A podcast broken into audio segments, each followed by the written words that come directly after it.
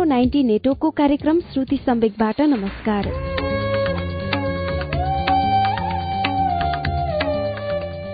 उज्यालो ninety network काठमाडौँसँगै देशभरिका अठारवटा FM स्टेशनहरूबाट हरेक मंगलबार र शुक्रबार राति सवा नौ बजे कार्यक्रम श्रुति सम्वेक प्रस्तुत हुन्छ। कार्यक्रम श्रुति सम्वेकमा हामी वरिष्ठ साहित्यकारहरूका उत्कृष्ट गद्यहरू वाचन गर्छौं। श्रुति सम्वेकको शुक्रबारको श्रृंखलामा हामीले एउटा अनुवादित उपन्यास सुन्दै आएका छौं। पावल्लो कोहेल्लोको उपन्यास द अल्केमिस्टको रितेश थापाद्वारा नेपालीमा अनुदित संस्करण किमी यागर हामीले सुन्दै आएको उपन्यास हो। यो उपन्यास विश्वभरि चौवन्न भन्दा बढ़ी भाषामा अनुवाद भइसकेको छ। विश्वभरि एक सय एकचालिस देशहरूमा यो उपन्यास बिक्री भएको प्रकाशकले जनाएको छ। पावल्लो कोहेल्लोको यो उपन्यासले मानिसलाई आफ्नो सपना इच्छा र लक्ष्य पूरा गर्न प्रेरणा दिनुको साथै आफ्नो मनको कुरा सुन्न पनि सिकाउँछ। एउटा भेडा गोठालाले खजानाको खोजीमा गरेको यात्रा वर्णन नै उपन्यासको मूल कथावस्तु हो। आज द अल्केमिस्ट अर्थात किमी यागरको चौथो श्रृंखला वाचन पृष्ठ छयत्तरबाट सुनौ अच्युत घिमिरेको आवाजमा।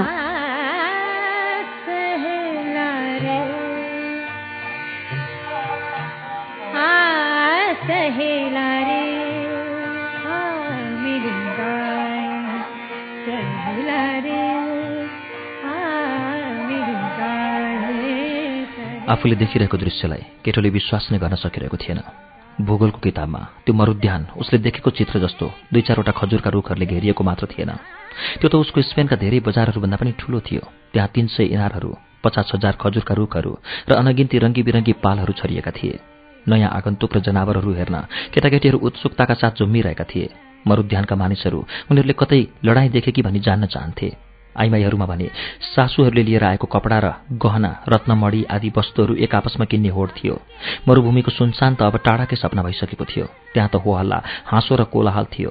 उनीहरू आध्यात्मिक संसारबाट मानिसहरूको संसारमा आएको जस्तो देखिन्थे। उनीहरू डर चिन्ता आदिबाट मुक्ति पाएर खुसी देखिन्थे। उनीहरूले मरूभूमिमा निकै सावधानी अप्नाएका थिए। मरुद्यानहरू तटस्थ ठाउँहरू हुने हुनाले ती ठाउँहरूमा बसोबास गर्न बढी संख्यामा केटाकेटी र आइमाईहरू हुन्छन् भनी ऊँट चालकले केटोलाई भन्यो। मरूभूमिभरि धेरै मरुद्यानहरू छन् तर जनजातिका सदस्यहरू मरूभूमिमै लडाईँ गर्थे र मरुद्यानहरूलाई शरणका ठाउँ जस्तो गरी छाड्थे।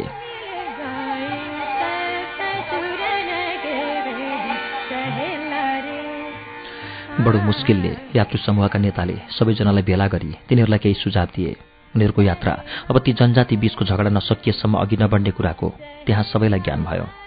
यात्री भएका हुँदा उनीहरू त्यहीँका मानिसहरूसँग पनि मिलेर बस्नुपर्ने र उनीहरूले त्यहाँ राम्रो सत्कार पाउने कुराको पनि ज्ञान गरायो। त्यसपछि उसले सबैलाई आफ्नो आफ्नो हात हतियारहरू जनजातिको सरदारले छानेको मानिसको हातमा दिन आग्रह गर्यो।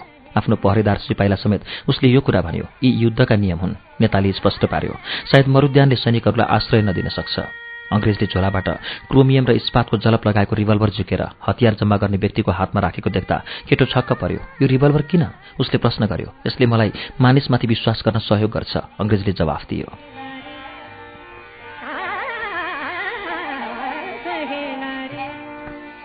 त्यत्तिकैमा केटोले आफ्नो खजनाको बारेमा विचार गर्यो। जति ऊ आफ्नो सपनाहरू साकार पार नजिक हुँदै जान्छ उति कठिन समस्याहरूको सृजना हुँदै जान्छ।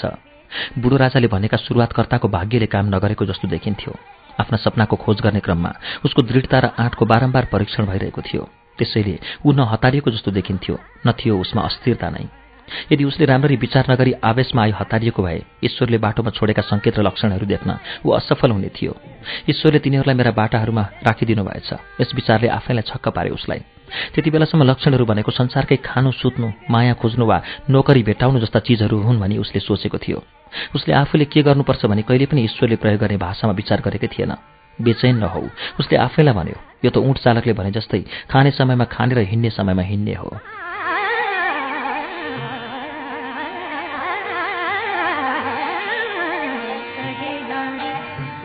पहिलो दिन त अग्रेज समेत सबै गरेर सबैले थकाइको निन्द्रा पुऱ्याए।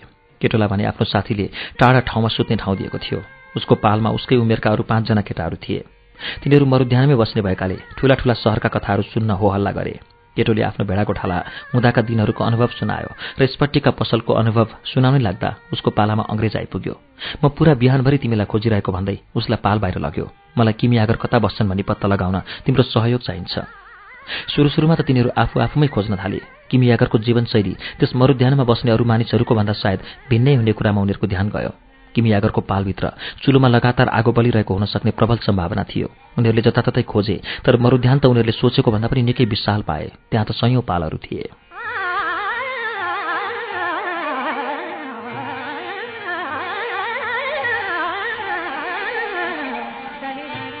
हामीले लगभग सारा दिन नै खेर फाल्यौँ। एउटा नजिकैको इनारतिर बसेर अङ्ग्रेजले केटोलाई भन्यो बरु कसैलाई सोधौँ न हामी? केटोले सुझाव दियो। अङ्ग्रेज आफू मरुध्यानमा आएको कारण अरूलाई भन्न चाहँदैन थियो तर अन्तमा उसले केटोलाई सोध्न पठायो। अङ्ग्रेजलाई भन्दा केटोलाई बढी अरबी भाषा आउँथ्यो। खसीको छालामा पानी भर्न आएकी एक महिलाको नजिकै केटो गयो।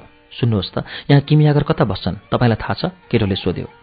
महिलाले त्यस्तो त कोही पनि थाहा छैन भन्दै हतारिँदै गइन्। तर जानुभन्दा अगाडि उनले केटोलाई कालो कपडा लगाएका महिलासँग कुरा नगर्नु भनी सल्लाह दिइन् किनभने ती विवाहित महिलाहरू हुन्। उसले परम्परालाई मान्यता दिनुपर्छ।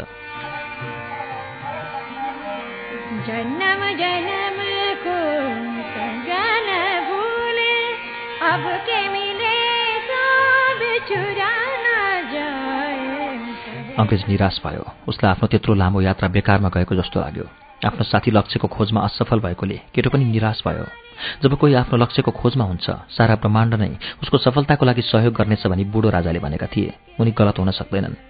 मैले किमियागरको बारेमा पहिले कहिले पनि सुनेको छैन केटोले भन्यो। सायद यता कसैलाई पनि थाहा छैन होला। अङ्ग्रेजका आँखा खुले। पक्कै हो सायद कसैलाई पनि किमियागर भनेको के हो भनी थाहा छैन। मानिसको रोगहरू यता कसले उपचार गर्छ पत्ता लगाऊ। धेरै आइमेहरू कालो वस्त्रमा पानी लिन त्यो इनारमा आए तर केटो कसैसँग पनि बोल्दैन थियो। अङ्ग्रेजले भने निकै कर गरिरहेको थियो। त्यत्तिकैमा एकजना जवान मानिस त्यहाँ आइपुग्यो। तपाईँलाई यता कसले मानिसको रोगको उपचार गर्छ थाहा छ? केटोले सोध्यो। अल्लाहले हाम्रो रोगहरू उपचार गर्छन्। उसले भन्यो। के तपाईँले धामी झाँक्री खोजेको?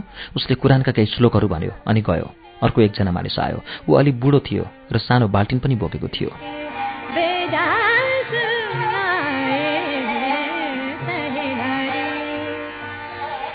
केटोले उही प्रश्न गर्यो तिमीलाई किन त्यस्तो मानिस चाहियो? त्यस अरबीले सोध्यो उसलाई भेट्न भनी मेरा साथी धेरै महिनाको यात्रापछि अहिले यहाँ आइपुगेका छन्। केटोले उत्तर दियो त्यस्तो मानिस यहाँ मरुध्यानमा भएको भए त ऊ निकै शक्तिशाली हुनुपर्छ।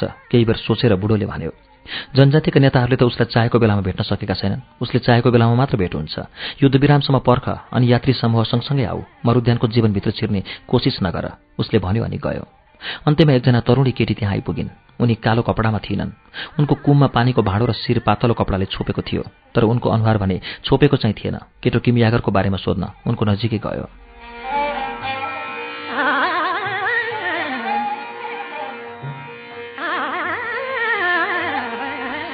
त्यस वखत उसलाई समय नै रोकिए जस्तो लाग्यो।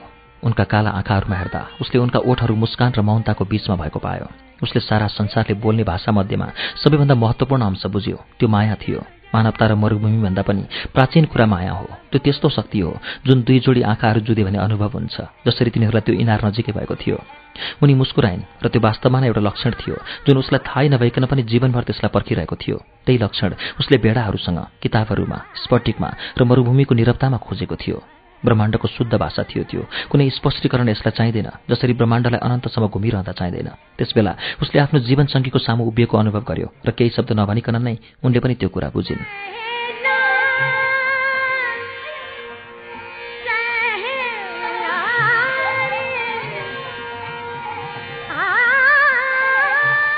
आफ्ना बुवा आमा लगायत हजुरबुबा हजुरआमाले पनि प्रेम गर्नुभन्दा पहिले कुनै पनि आइमाईलाई राम्ररी चिन्नुपर्छ भनी उसलाई भन्नुभएको थियो। तर सायद त्यस्ता विचारका मानिसहरूले ब्रह्माण्डको भाषा कहिल्यै जानेनन् किनभने जब तिमी त्यो भाषा जान्दछौ चाहे त्यो व्यक्ति मरुभूमिको बीचमा होस् वा कुनै ठूलो सहरमा जब ती व्यक्तिहरूको भेट हुन्छ र आँखा जुत्छन् उनीहरूको विगत र भविष्य दुवै महत्वहीन हुन्छन् त्यहाँ केवल त्यो क्षण हुन्छ। सारा सूर्यमुनिका कुराहरू एकै हातले लेखिरहेको हुन्छ भन्ने कुरा एक अविश्वासिलो निश्चिन्ता हो। त्यही हात हो जसले मनमा माया उत्पन्न गराउँछ र संसारमा प्रत्येक मानिसको लागि एक जोडी आत्माको सृष्टि गरिदिन्छ। त्यस्तो माया बिना मानिसको कल्पनाको कुनै अर्थ हुँदैन। मक्तुब केटोले सोच्यो।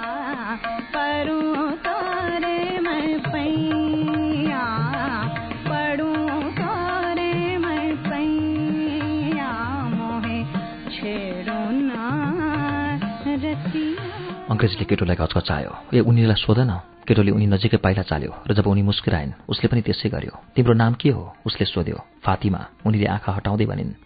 यस्तै नाम त मेरो देशका केटीहरूको पनि हुन्छ। उसले भन्यो यो एक धार्मिक गुरुको छोरीको नाम हो।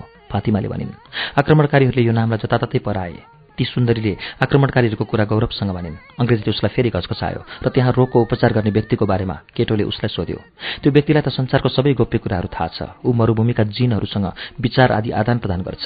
असल र खराबका प्रेतात्मा हुन् जिनहरू। केटीले दक्षिण दिशातिर औँल्याउँदै त्यो अनौठो मानिस त्यता बस्ने भनिन्। त्यसपछि उनले आफ्नो पानीको भाँडो भरिन् अनि त्यहाँबाट गइन्।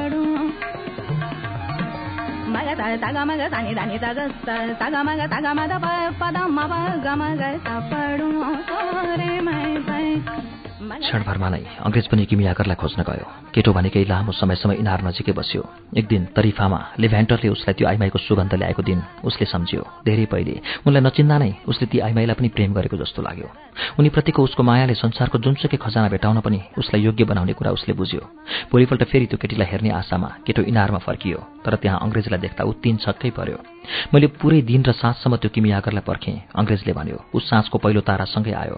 मैले उसलाई आफूले खोजेको चिज बताएँ र उसले अहिलेसम्म सिसालाई सुनमा बदलेको छ कि छैन भनी मलाई सोध्यो। त्यही कुरा सिक्न यहाँ आएको भनी मैले उसलाई जवाफ दिएँ।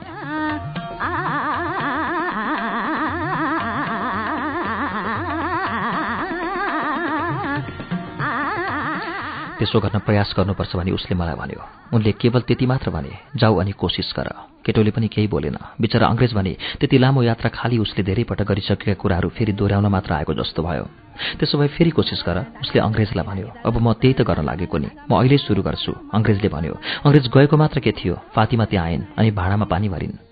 म तिमीलाई एउटा कुरा भन्न आएको थिएँ। केटोले भन्यो म तिमीलाई आफ्नो श्रीमती बनाउन चाहन्छु। म तिमीलाई माया गर्छु। त्यो सुनेर केटीको हातबाट पानीको भाँडो खस्यो र पानी पोखियो। म यहाँ सधैँ तिमीलाई पर्खिरहनेछु। मैले खजानाको खोजीमा यत्रो मरूभूमि पार गरिसकेँ। त्यो खजानाको पिरामिड नजिकै छ। मेरो लागि युद्ध बाधा जस्तो भए पनि अहिले त्यो युद्ध धन्य भएको छ। किनकि त्यसैले मलाई तिमीसँग भेट गराइदियो।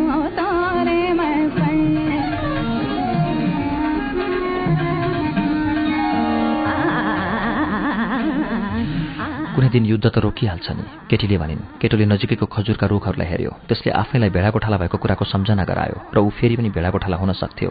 खजनाभन्दा पनि महत्त्वपूर्ण फातिमा थिइन्। जनजातिका सदस्यहरू सधैँ खजानाको खोजीमा हुन्छन्। उसले सोचेको कुराको अन्दाज लगाउँदै उनले भनिन् अनि मरूभूमिका आइमाईहरू तिनीहरूप्रति गौरव गर्छन्। उनले फेरि पानीको भाँडो थापिन् अनि फर्किन्। केटो प्रत्येक दिन फातिमालाई भेट्न इनारतिर लाग्थ्यो।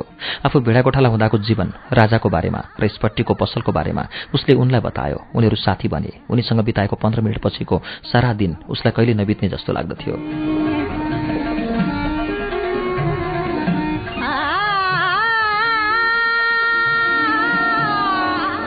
त्यो मरुध्यानमा करिब एक महिना जसो उके बसेको थियो यात्री समूहका नेताले उसँग यात्रा गर्ने सबै यात्रीहरू जम्मा गराई छलफल कार्यक्रमको आयोजना गर्यो। हामीलाई युद्धको अन्त्य कहिले हुन्छ भनी थाहा नभएकोले हामी हाम्रो यात्रा जारी राख्न सक्दैनौँ उसले भन्यो लडाईँ धेरै लामो समयसम्म लम्बिन पनि सक्छ। सायद वर्ष दिन पनि लाग्ला। यी दुवै पक्षसँग शक्तिशाली सेनाहरू भएकाले ती दुवैलाई यो युद्ध महत्वपूर्ण छ। यो असल खराब बीचको युद्ध होइन। यो त शक्तिको सन्तुलनको निम्ति सेनाहरूको बीचको युद्ध हो। जब यस प्रकारको युद्ध सुरु हुन्छ यो अरूभन्दा लामो समयसम्म चलिरहन्छ किनभने अल्लाह ईश्वर दुवैको पक्षमा हुनुहुन्छ। आफू बसेको ठाउँतिर मानिसहरू फर्के अनि त्यो मध्याहमा फातिमालाई भेट्न केटो गयो। उसले बिहानीको भेला सम्बन्धी उनलाई सुनायो मैले तिमीलाई भेटेको दिनपछि फातिमाले भनिन् तिमीले मलाई माया गर्छु भन्यो। त्यसपछि तिमीले पनि मलाई ब्रह्माण्डको भाषाको बारेमा केही सिकायो। यी कुराले म तिम्रो एक हिस्सा भइसकेकी छु।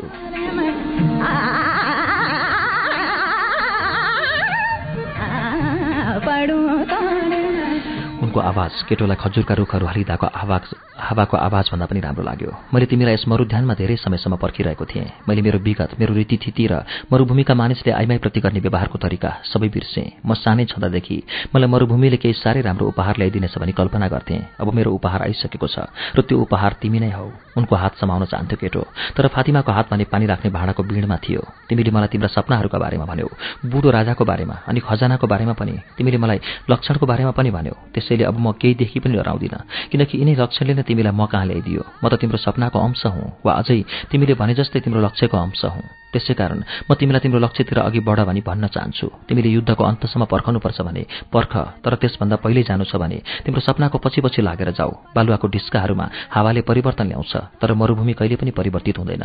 हाम्रो एक आपसको मायाको रूप पनि यसै प्रकारको हुन्छ। मक्तुब उनले भनिन् यदि म तिम्रो सपनाको अंश भए भने तिमी साँच्चै एक दिन फर्कनेछौ।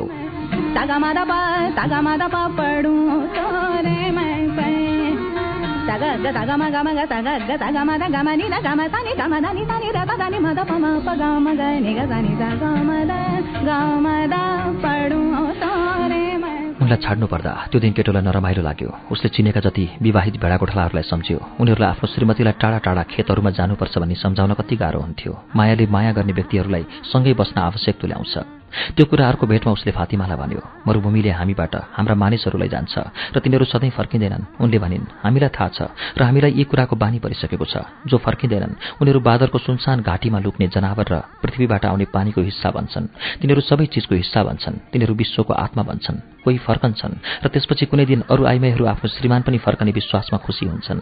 म पनि ती आइमाईहरूलाई हेर्थेँ र उनीहरूको खुसीमा ईर्ष्या लाग्दथ्यो। अब त म पनि ती प्रतीक्षा गर्नेहरूमध्येको एक हुने भएँ। मरूभूमिकै महिला हुँ म र म यस कुरामा गौरव गर्छु। आफ्नो श्रीमान मरूभूमिका बालुवाका डिस्काको रूप दिने हावा चाहिँ स्वच्छन्द भई भ्रमण गरेको म चाहन्छु। फेरि ऊ फर्केर नआएमा बादल जनावर र पानीको हिस्सा भएको तथ्यलाई पनि म स्वीकार गर्नेछु।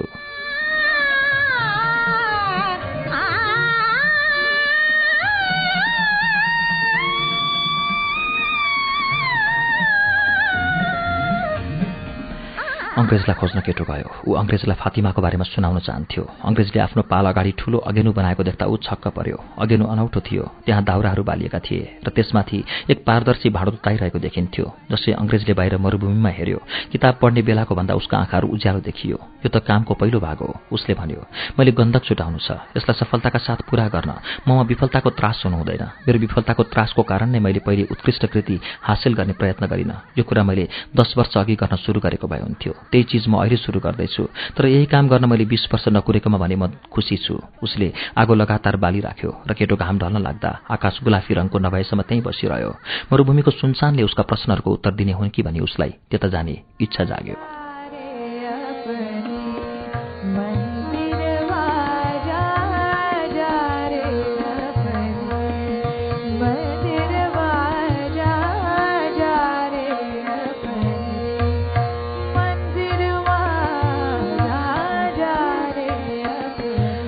खजुरका रुखहरू हेर्दै ऊ एकछिन यताउति लाग्यो। उसले सरर र हावाको आवाज सुन्यो र खुट्टामुनि ढुङ्गाहरू भएको चाल पायो। यताउता उसले छरप्रष्ट भएका शङ्खगिराका हाडहरू भेटायो त्यो देखेर मरूभूमि पनि कुनै समय पहिले समुद्र भएको उसलाई ज्ञान भयो। ऊ ढुङ्गामा बसेर क्षितिजको सुन्दरतामा आफैलाई हराउन खोज्यो।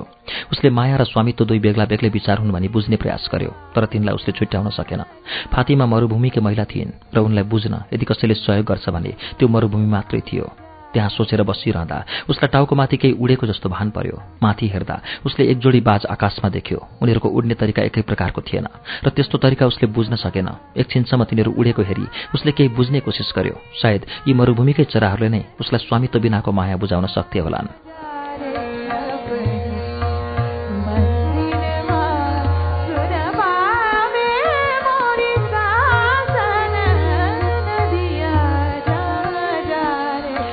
उसलाई निन्द्रा लाग्यो। भित्री मनदेखि नै ऊ उठिरहन र सोध्न पनि चाहन्थ्यो म विश्वको भाषा सिकिरहेछु र विश्वका सबै चिजहरूले केही अर्थ बुझाउँदैछन्। बाजको उडानले पनि। उसले आफैलाई भन्यो त्यस्तो मुद्रामा ऊ आफू प्रेममा परेकाले मक्ख थियो। मायालु भएपछि जे चिजले पनि धेरै अर्थ दिन्छ भनी उसले विचार गर्यो। एक्कासी एउटा बाजले अर्को बाजमाथि हमला गर्यो। बाजको आक्रमणसँगै त्यो तन्त्रामा उसले एकजना सिपाही तरबार लिएर मरुध्यानतिर आइरहेको क्षणिक दृश्य मनको आँखाले देख्यो।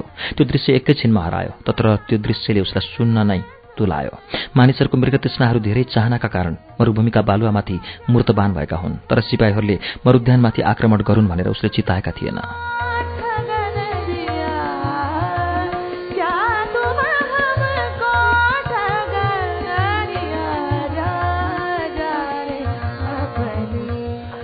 त्यस दृश्यलाई बिर्सेर ऊ आफ्नो ध्यान अर्कैतिर लैजान चाहन्थ्यो। उसले फेरि मरूभूमिका गुलाफी छाया र ढुङ्गाहरूमा एकचित्त लगाई निहाल्न खोज्यो तर उसको मुटुमा भएका कुराहरूले उसलाई त्यसो गर्न दिइरहेको थिएन। सधैँ लक्षणमा ध्यान दिनु बुढो राजाले भनेका थिए। मनका आँखाले देखेको दृश्यलाई उसले एकपल्ट सम्झ्यो र त्यस कुराले साँच्चैको रूप लिन्छ जस्तो उसलाई अनुभूति भयो। ऊ उठ्यो अनि खजुरका रुखहरू भएतिर फर्कियो। त्यसबेला उसले मरुद्यानभन्दा धेरै अरू बाँकी मरूभूमि नै सुरक्षित भएको अनुभव गर्यो। खजुरको रुखको फेदमा बसी। उठ चालक सूर्य अस्ताएको हेर्दै थियो टाढाको बालुवाको डिस्कोतिरबाट। उसले केटो आइरहेको देख्यो।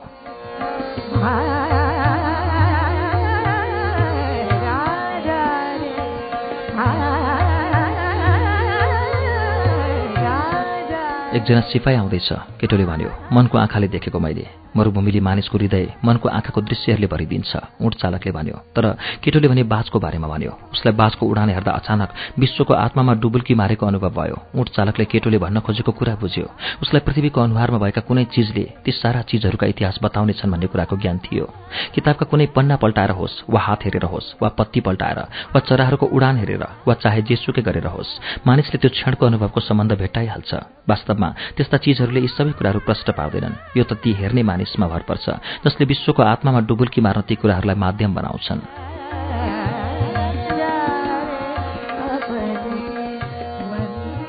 हामी अहिले उज्यालो नाइन्टी नेटवर्कको कार्यक्रम श्रुति सम्वेकमा पावल्लो कोहेल्लोको उपन्यास द अल्केमिस्ट सुनिरहेका छौं। यसलाई रितेश थापाले नेपालीमा अनुवाद गर्नुभएको छ।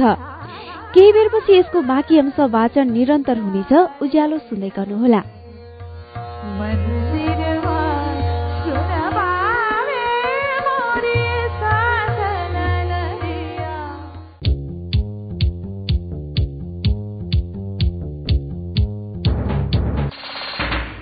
कार्यक्रम श्रुति सम्वेक तपाईँ अहिले उज्यालो नाइन्टी नेटवर्क काठमाडौँसँगै इलाम एफएम झापाको एफएम मेचिट्युन्स र बिर्ता एफएम बर्दिवासको रेडियो दर्पण दोलखाको Kalinchok FM वीरगंजको Narayani FM Hetauda FM radio चितवनमा पनि सुनिरहनु भएको छ। त्यसै गरी फलेवासको रेडियो पर्वत गुल्मीको रेडियो रेसुङ्गा पोखराको रेडियो तरंगमा पनि श्रुति समेक सुन्दै हुनुहुन्छ। रेडियो प्युठान दाङको रेडियो मध्यपश्चिम कपिलवस्तुको रेडियो बुद्ध आवाज भेरीको रेडियो कोहलपुर सल्यानको रेडियो राप्ती सुर्खेतको रेडियो भेरी र जुम्लाको रेडियो कर्णालीबाट पनि अहिले एकैसाथ श्रुति सम्वेक प्रसारण भइरहेको छ। श्रुति सम्वेकको आजको श्रृंखलामा हामीले पावल्लो कोहेल्लोको द अल्केमिस्ट उपन्यास सुनिरहेका छौं। अब यसको बाँकी अंश सुनौ।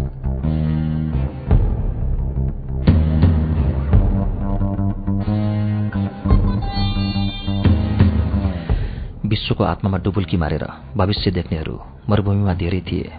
उनीहरू त्यो कार्यबाट नै पैसा कमाई सरल जीवन बिताउँथे। जनजातिका सदस्यहरू पनि सावधानीको लागि कोही कोही सल्लाह लिने गर्थे किनकि यदि युद्धमा मर्नु नै लेखेको छ भने उनीहरूलाई प्रभावकारी भई लडाईँ गर्नु असम्भव नै हुन्थ्यो। तर उनीहरू युद्धको गौरव मन पराउँथे र के हुन्छ भन्ने कुरा थाहा नपाई युद्ध गर्न चाहन्थे। भविष्य त पहिले नै अल्लाहले लेखिसकेको हुन्छ भन्ने उनीहरूको धारणा थियो र अल्लाहले जे लेखेका हुन्छन् त्यो मानिसको लागि राम्रै हुन्छ भन्ने उनीहरूको विश्वास थियो।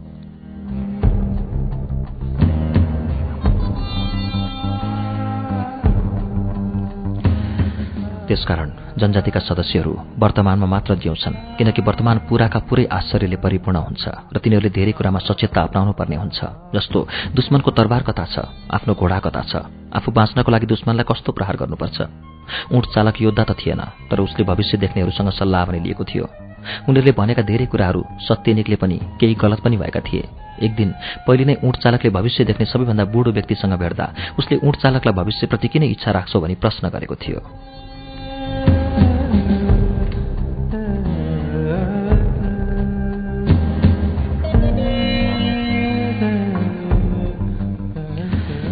त्यसै अनुसार काम गर्न। त्यो ऊँट चालकले भनेको थियो र नचाहेको कुरा हुन नदिन। तर ती तिम्रा भविष्यका हिस्सा हुँदैनन् नि त्यो बुढोले भनेको थियो। सायद म भविष्य जानेर त्यसै अनुसार आफूलाई तयार गर्छु भनेर यस कुरामा इच्छा लागेको हो। यदि राम्रा कुराहरू आउँदैछन् भने त्यो त रमाइलो भयो। तर यदि नराम्रा कुराहरू आउँदैछन् भने त तिमी त्यो आउनुभन्दा पनि अघिदेखि नै दुःख मान्न थाल्छौ नि बुढोले भनेको थियो। म भविष्यबारेमा जान्न चाहन्छु किनकि म मानिस हुँ ऊँट चालकले बुढोलाई भनेको थियो र मानिसको जीवन सधैँ भविष्यमै निर्भर हुन्छ उसले बताएको थियो।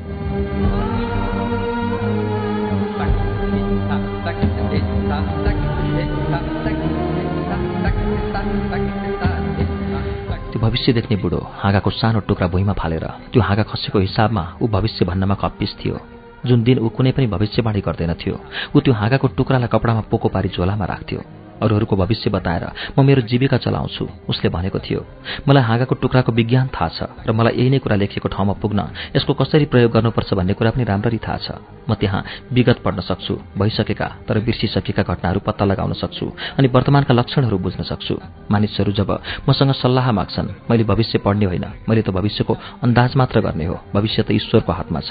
ईश्वरले विशेष अवस्थामा आफैले यसको साङ्केतिक प्रदर्शन गरिदिनुहुन्छ। लक्षणका आधारमा मैले कसरी भविष्यको अन्दाज गर्छु? यसको गोप्यता वर्तमानमा छ।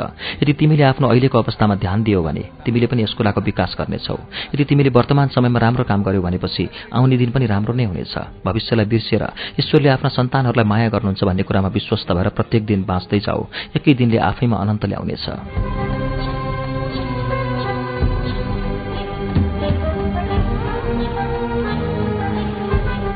ईश्वरले उनलाई भविष्य हेर्ने दिन अवस्थाहरू कुन कुन हुन् भनी उठ चालकले सोधेको थियो। ईश्वरले प्रकट गराएको बेलामा मात्र तर उहाँले बिरलै भविष्यको प्रदर्शन गराउनुहुन्छ। हेरफेर गर्न भनेर भविष्य लेखेको हुन्छ।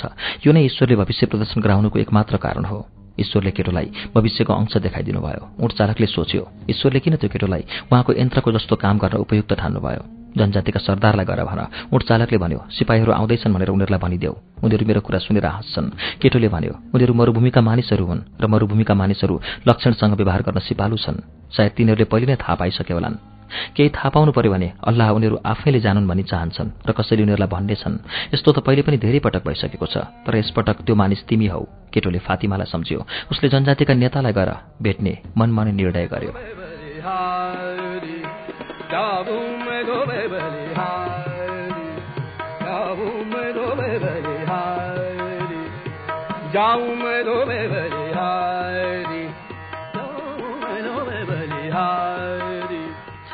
मरुध्यानको बीचमा रहेको एउटा सेतो पाल अगाडि उभिएको पहरेदार नजिकै केटो आइपुग्यो। म सरदारलाई भेट्न चाहन्छु। मैले मरुभूमिबाट लक्षण लिएर आएको छु। केही नबोलिकन पहरेदार पालभित्र गयो। एकछिनपछि सेतो कपडा र सुन लगाएको एक जवान अरबलाई लिएर ऊ आयो। त्यो जवानलाई आफूले देखेको कुरा केटोले भन्यो र त्यो अरबले उसलाई एकछिन त्यहीँ पर्खन भन्दै ऊ पालभित्र गयो।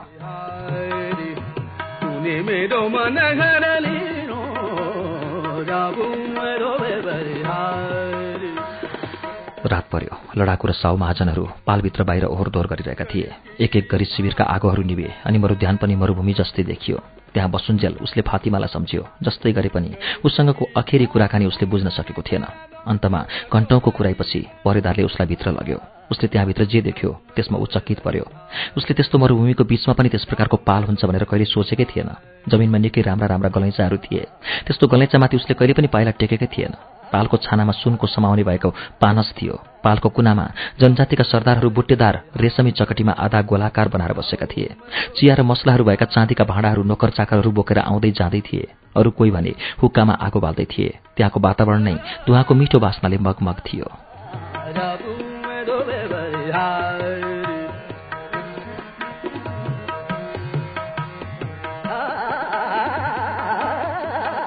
आठजना सरदारहरू थिए त्यहाँ तर उसले सबैभन्दा ठूला सरदारलाई एकैछिनमा चिनिहाल्यो। उनी सेतो कपडा र सुनको वस्त्रमा आधा गोलाकारको माझमा बसेका थिए।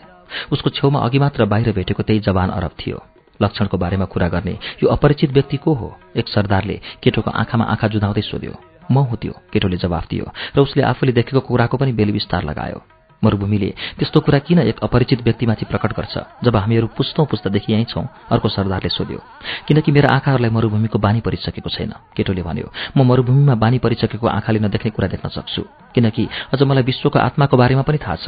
उसले मनमा नै सोच्यो मरुध्यान त तटस्थ स्थल हो कसैले ती मरुध्यानमा आक्रमण गर्दैन? तेस्रो सरदारले भन्यो मैले त जे देखेँ त्यही भन्न सक्छु। यदि मलाई विश्वास गर्नुहुन्न भने तपाईँले यस विषयमा केही पनि गर्नु पर्दैन।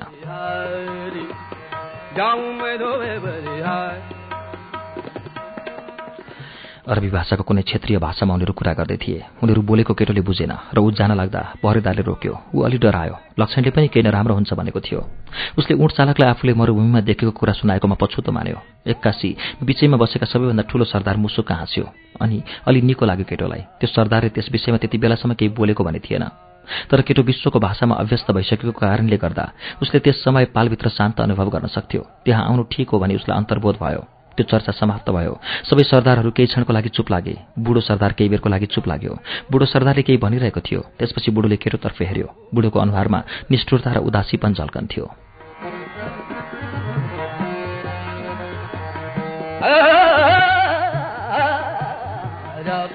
दुई हजार वर्ष पहिले धेरै टाढाको देशमा एकजना व्यक्ति जो सपनामा विश्वास गर्थ्यो उसलाई कालकोठरीमा बन्द गरिएको थियो र पछि उसलाई दास बनाइ बेचियो। केटोले बुझ्ने क्षेत्रीय भाषामा बुढो मानिसले भन्यो हाम्रा साउ महाजनले त्यो मानिसलाई किनेर इजिप्ट ल्याए जसले सपनामा विश्वास गर्छ उसलाई त्यसको अर्थ पनि थाहा हुन्छ। ती ठूला मानिसले भने जब इजिप्टका राजाले मोटा गाई र दुब्ला गाई सपनामा देखेका थिए एकजना मानिसले इजिप्टलाई भोकमरीबाट बचाएको थियो उसको नाम जोसफ थियो। त्यस नौलो ठाउँको लागि ऊ पनि नौलो मानिस थियो ऊ पनि तिमी जस्तै अपरिचित थियो र सायद तिम्रै उमेरको थियो। बुढो एकछिन घोरियो। उसको आँखा अझै पनि विरोधी नै देखिन्थ्यो।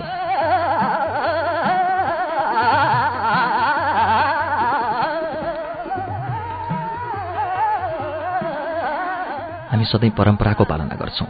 परम्पराले नै इजिप्टलाई त्यस्ताका अनिकालबाट बचायो र इजिप्टका जनतालाई धनी तुरायो परम्पराले नै मानिसलाई मरुभूमि पार गर्न सिकायो। उनीहरूका छोराछोरीको विवाह कसरी गर्नुपर्छ भन्ने सिकायो।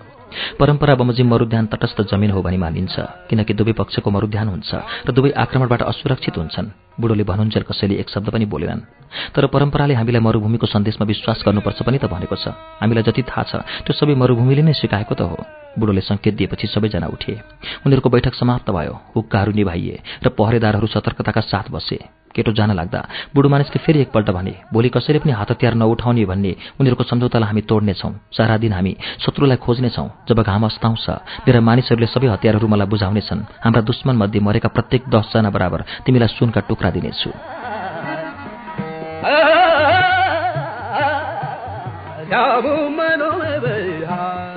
तर युद्धमा नगएमा भने कसैले पनि हतियारहरू पाउने छैन। हतियारहरू पनि मरुभूमि जस्तै बदलिरहने हुनेछन्। यदि प्रयोग गरेन भने अर्को पटक काम नलाग्ने पनि हुन्छन्। यदि कुनै पनि हतियार सारा दिनभरमा पनि प्रयोग भएनन् भने त्यो तिमीमाथि प्रयोग हुनेछ।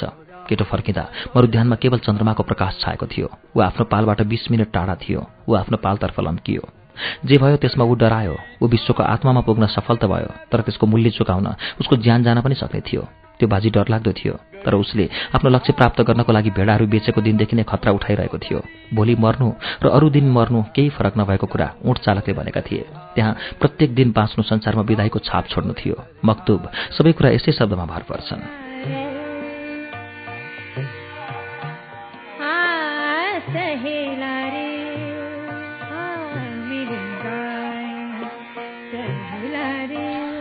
त्यो शान्त वातावरणमा हिँड्दा उसलाई केहीको पनि पछुतो लागेन। यदि ऊ भोलि गोलीको शिकार भयो भने त्यो कुरा ईश्वरले उसको भविष्यमा परिवर्तन ल्याउन नचाहेको हुनेछ।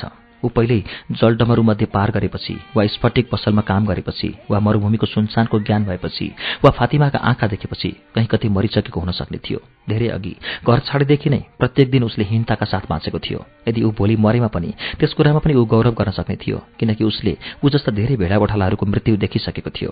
त्यत्तिकैमा आकाश गर्जेको आवाज उसले सुन्यो र थाहै नपाइकन हावाले उसलाई भुइँमा लडाइदियो। त्यस ठाउँमा अत्याधिक धुलो उडेकोले चन्द्रमा पनि छोपिएको थियो। उसको सामु निकै ठुलो सेतो घोडा हिँडिनाउँदै पछाडितिरबाट हट्दै थियो।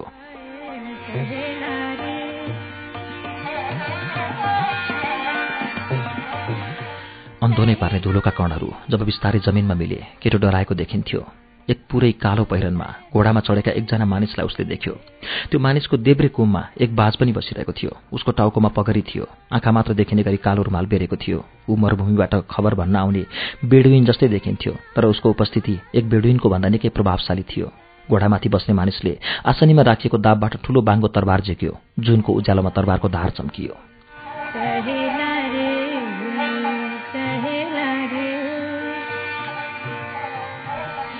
बाजको उडानको अर्थ कसले पढ्ने साहस गर्यो? उसले सोध्यो उसको स्वर यति ठुलो थियो कि त्यहाँ अल्फायम मरुद्यानका पचास हजार खजुरका रुखहरूमा प्रतिध्वनि भएको जस्तो लाग्थ्यो। मैले नै त्यो साहस गरेको हुँ केटोले जवाफ दियो। उसलाई सेतो घोडामा चढेको स्यान्टियागो माता मोरस र उसका मुनि विश्वासघातीहरू उभिरहेको दृश्यको सम्झना भयो। त्यो मानिस पनि माता मोरस जस्तै देखिन्थ्यो तर उसको भूमिका भने ठिक उल्टो थियो।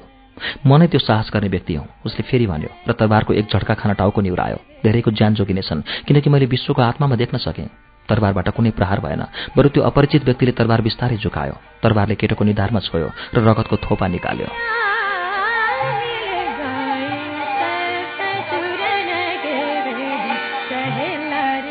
घोडामा चढेको मानिस केटो जस्तै अचल थियो। केटोले भाग्ने प्रयत्न पनि गरेन। हृदयमा अनौठो किसिमको आनन्द प्राप्त गर्यो उसले। ऊ आफ्नो लक्ष्यको खोजीको क्रममा साथै फातिमाको लागि पनि मर्न लाग्दै थियो।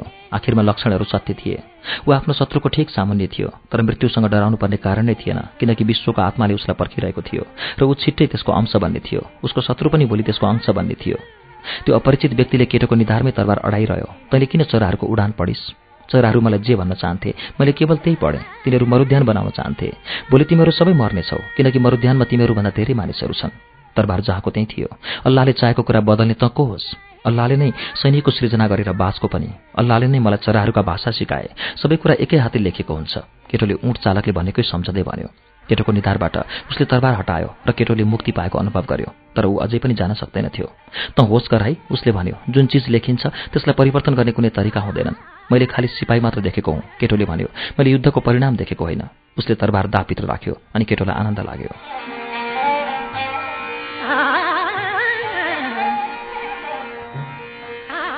मलाई तिम्रो साहस जाँच्नु थियो। त्यो अपरिचित व्यक्तिले भन्यो साहस नै विश्वको भाषा बुझ्न चाहिने एकदमै आवश्यक गुण हो। केटो छक्क पर्यो। थोरै मात्र मानिसले जानेको कुरा ऊ बोल्दै थियो। यति टाढा आइसकेपछि तिमीले हार मान्नुहुन्न भने? उसले भन्यो तिमीले मरुभूमिलाई माया गर्नु त पर्छ तर पुरै विश्वास भने गर्नुहुन्न किनकि यसले सबै मानिसको जाँच गर्छ। प्रत्येक पाइलामा यसले चुनौती दिन्छ र विभ्रान्त उनीहरूलाई मृत्यु पनि दिन्छ। उसले भनेका कुराले केटोलाई बुढो राजाको सम्झना गरायो। यदि लडाकुहरू यहाँ आए भने अनि सूर्य अस्तसम्म तेरो टाउको गर्दमै ठिकठाक रहिरह्यो भने मलाई खोज्न आइज अपरिचित व्यक्तिले भन्यो। तरबार हल्लाउने त्यही हातमा अहिले कोर्रा थियो। घोडा फेरि धुलोको बादल उडाउँदै पछि हट्यो। त्यो अपरिचित व्यक्ति घोडा दौडाउँदै गयो।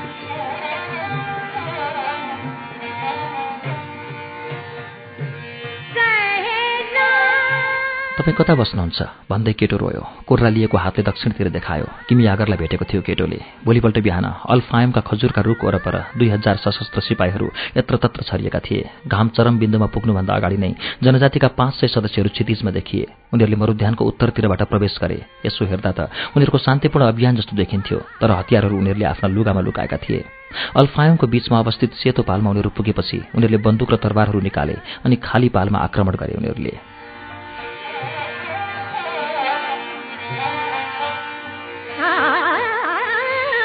सेतो पालमा आक्रमण गर्ने ती घोडचडीलाई मरुध्यानका मानिसले चारैतिरबाट घेरा हालेर आधा घण्टामा नै एकजना बाहेक सबैलाई मृत्युको शिकार बनाए। केटाकेटीहरूलाई खजुरका रुखहरूको अर्को भागमा राखिएको थियो। तिनीहरूले केही पनि देखेनन्। आइमाईहरू सबै पालभित्रै आफ्ना लोग्नेहरूको दीर्घायुको प्रार्थना गर्दै थिए र तिनीहरूले पनि लडाईँको केही कुरा पनि देखेनन्। यदि जमिनमा कुनै पनि लास नभएको भए त्यस दिन मरुध्यान पनि अरू दिन जस्तै सामान्य देखिने थियो। बाँचेका एकमात्र जनजातिका सदस्य सेनाका कमान्डर थियो। त्यो मध्याहमा अल्फायमका जनजातिका सरदार सामुन्ने उसलाई हाजिर गराइयो। सरदारले उसलाई किन परम्पराको नियम भङ्ग गरेको भनी सोधे। कमान्डरले उसका मानिसहरू धेरै दिनको लडाईँको कारणले गर्दा भोक र तिर्खाले थकित भएको र त्यो अल्फायम मरुध्यानमाथि कब्जा जमाई युद्धमा फर्किन सक्ने बनाउने आशामा हमला गरेको भनी भने।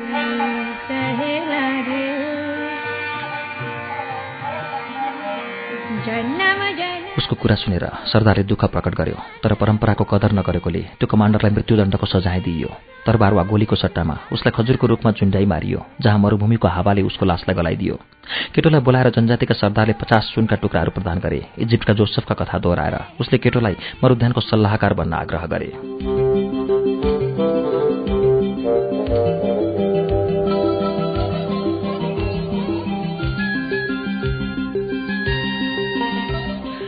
घाम जब अस्तायो अनि पहिलोपटक ताराहरू देखिए केटो दक्षिणतिर हिँड्नु सुरु गर्यो।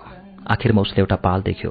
बाटोमा अरबी बडुवाहरूले उसलाई त्यस ठाउँमा जिनीहरू बसोबास गर्ने भनी बताए तर केटो त्यहीँ पर्खिबस्यो चन्द्रमामाथि आकाशमा पुग्दा बल्ल किमी आगर घोडामा आयो। मरेका दुईटा बाज उसले काँधमा बोकेको थियो। म यहाँ छु केटोले भन्यो। तिमी यहाँ हुनु हुँदैन किमी आगरले जवाफ दियो। कि तिमीलाई तिम्रो लक्ष्यले यहाँ ल्याएको हो? जनजाति बीचको युद्धले गर्दा मरुभूमि पार गर्न असम्भव छ। त्यसैले म यहाँ आएको केटोले बतायो। घोडाबाट ओर्लेर किमी आगरले केटोलाई सँगसँगै पालभित्र जान सङ्केत दियो। त्यो पाल पनि मरुध्यानका अरू पाल जस्तै थियो। उसले चुलो र मध्ययुगको रसायनशास्त्रमा चाहिने सामानहरू छन् कि भनेर चारैतिर आँखा घुमायो। त्यहाँ केही पुस्तकका चाङ थिए खाना बनाउने चुलो र अद्भुत बुट्टाले बुनिएका गलैँचाहरू थिए। बस हामीसँग केही पिउने चिज छ अनि यी बाजहरू पनि त खानुपर्छ किमी आगरले भन्यो।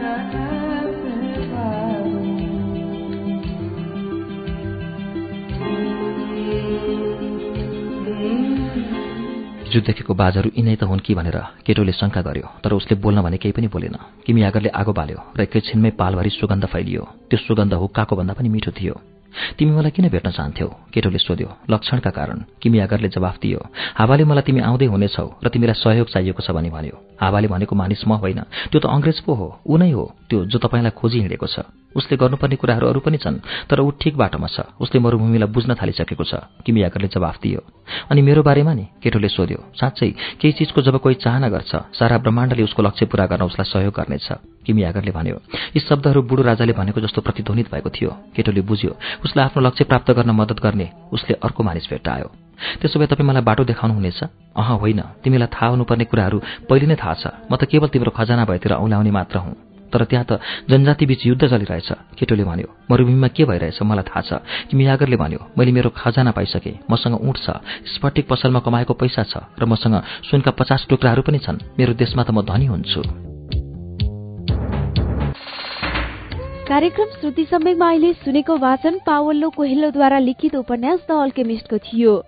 यस पुस्तकलाई रितेश थापाले नेपालीमा अनुवाद गर्नुभएको हो। वाल्डेन बुक हाउस क्षेत्रपाटीले यो पुस्तक प्रकाशनमा ल्याएको हो। पृष्ठ सयमा आइपुग्दा आजको लागि किमी यागरको वाचन समय सकिएको छ। अर्को हप्ता आजकै दिन आजकै समयमा द अल्केमिस्ट अर्थात किमी यागर वाचनको पाँचौं श्रृंखला सुन्नेछौ।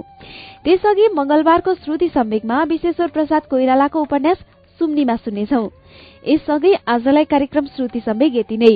कार्यक्रम श्रुति सम्वेकबाट विदा हुनु अघि हाम्रो ठेगाना यस प्रकार छ।